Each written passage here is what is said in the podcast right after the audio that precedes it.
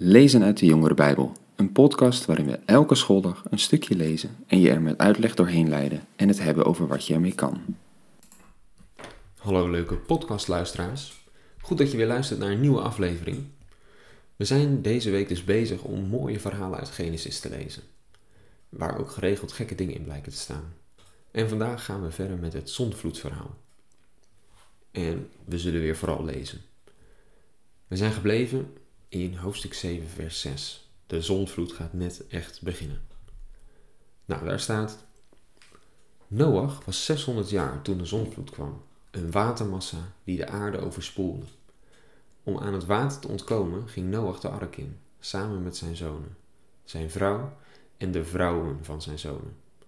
Van de reine en onreine dieren, van de vogels en van alles wat er op aarde rondkruipt, kwamen er telkens twee bij Noach in de ark een mannetje en een wijfje, in overeenstemming met wat God hem had opgedragen.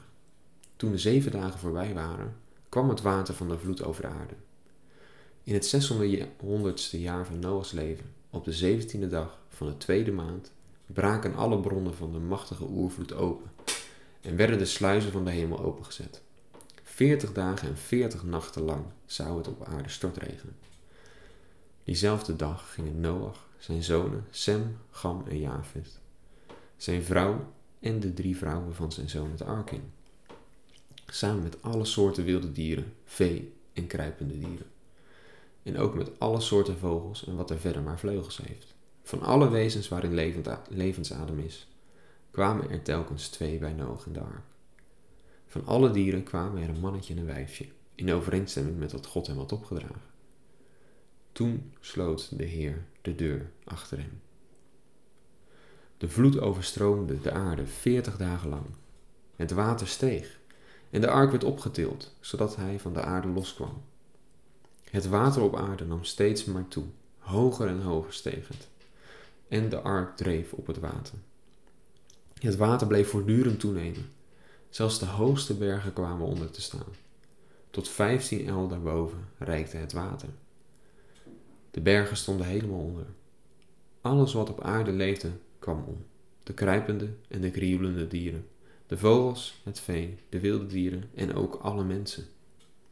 Alles wat op het land leefde en waarin de levensadem was, vond de dood.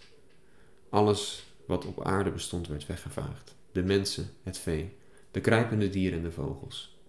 Ze werden van de aarde weggevaagd. Alleen Noach bleef over, met alles wat bij hem in de ark was. 150 dagen lang was de aarde helemaal met water bedekt. Maar God dacht aan Noach en aan alle wilde dieren en het vee bij hem in de ark. Op zijn bevel begon er een wind over de aarde te waaien, waardoor het water afnam. De bronnen van de oervloed en de sluizen van de hemel werden gesloten, zodat het ophield met regenen. Geleidelijk vloeide het water weg van de aarde na 150 dagen begon het te zakken. Op de zeventiende dag van de zevende maand liep de ark vast op het Araratgebergte. Het water zakte voortdurend verder. En op de eerste dag van de tiende maand werden de toppen van de bergen zichtbaar. Nou, hierna volgt het stuk waarin Noach duiven erop uitstuurt om land te vinden. En uiteindelijk zal Noach een heel jaar lang in de ark zitten totdat God zelf hem toestemming geeft om eruit te gaan. Noach werd dus niet alleen gered, hij krijgt ook een goede training in geduld en uithoudingsvermogen. He, kan je nagaan. Een jaar lang in een klein, uh, kleine, nou, zo klein was die boot niet, maar in een afgesloten ruimte zitten. Wachten totdat je naar buiten mag. Bijna, klinkt bijna een beetje als een lockdown met corona. Ook wij kunnen zo'n training best wel eens gebruiken. Als we nu al geïrriteerd raken als iets een paar seconden duurt in plaats van dat het direct werkt. Dat is nog wel eens wat anders dan een jaar lang ergens op moeten wachten. Morgen lezen we het laatste deel van het Zondvloedverhaal. Dit was het voor vandaag. Tot morgen.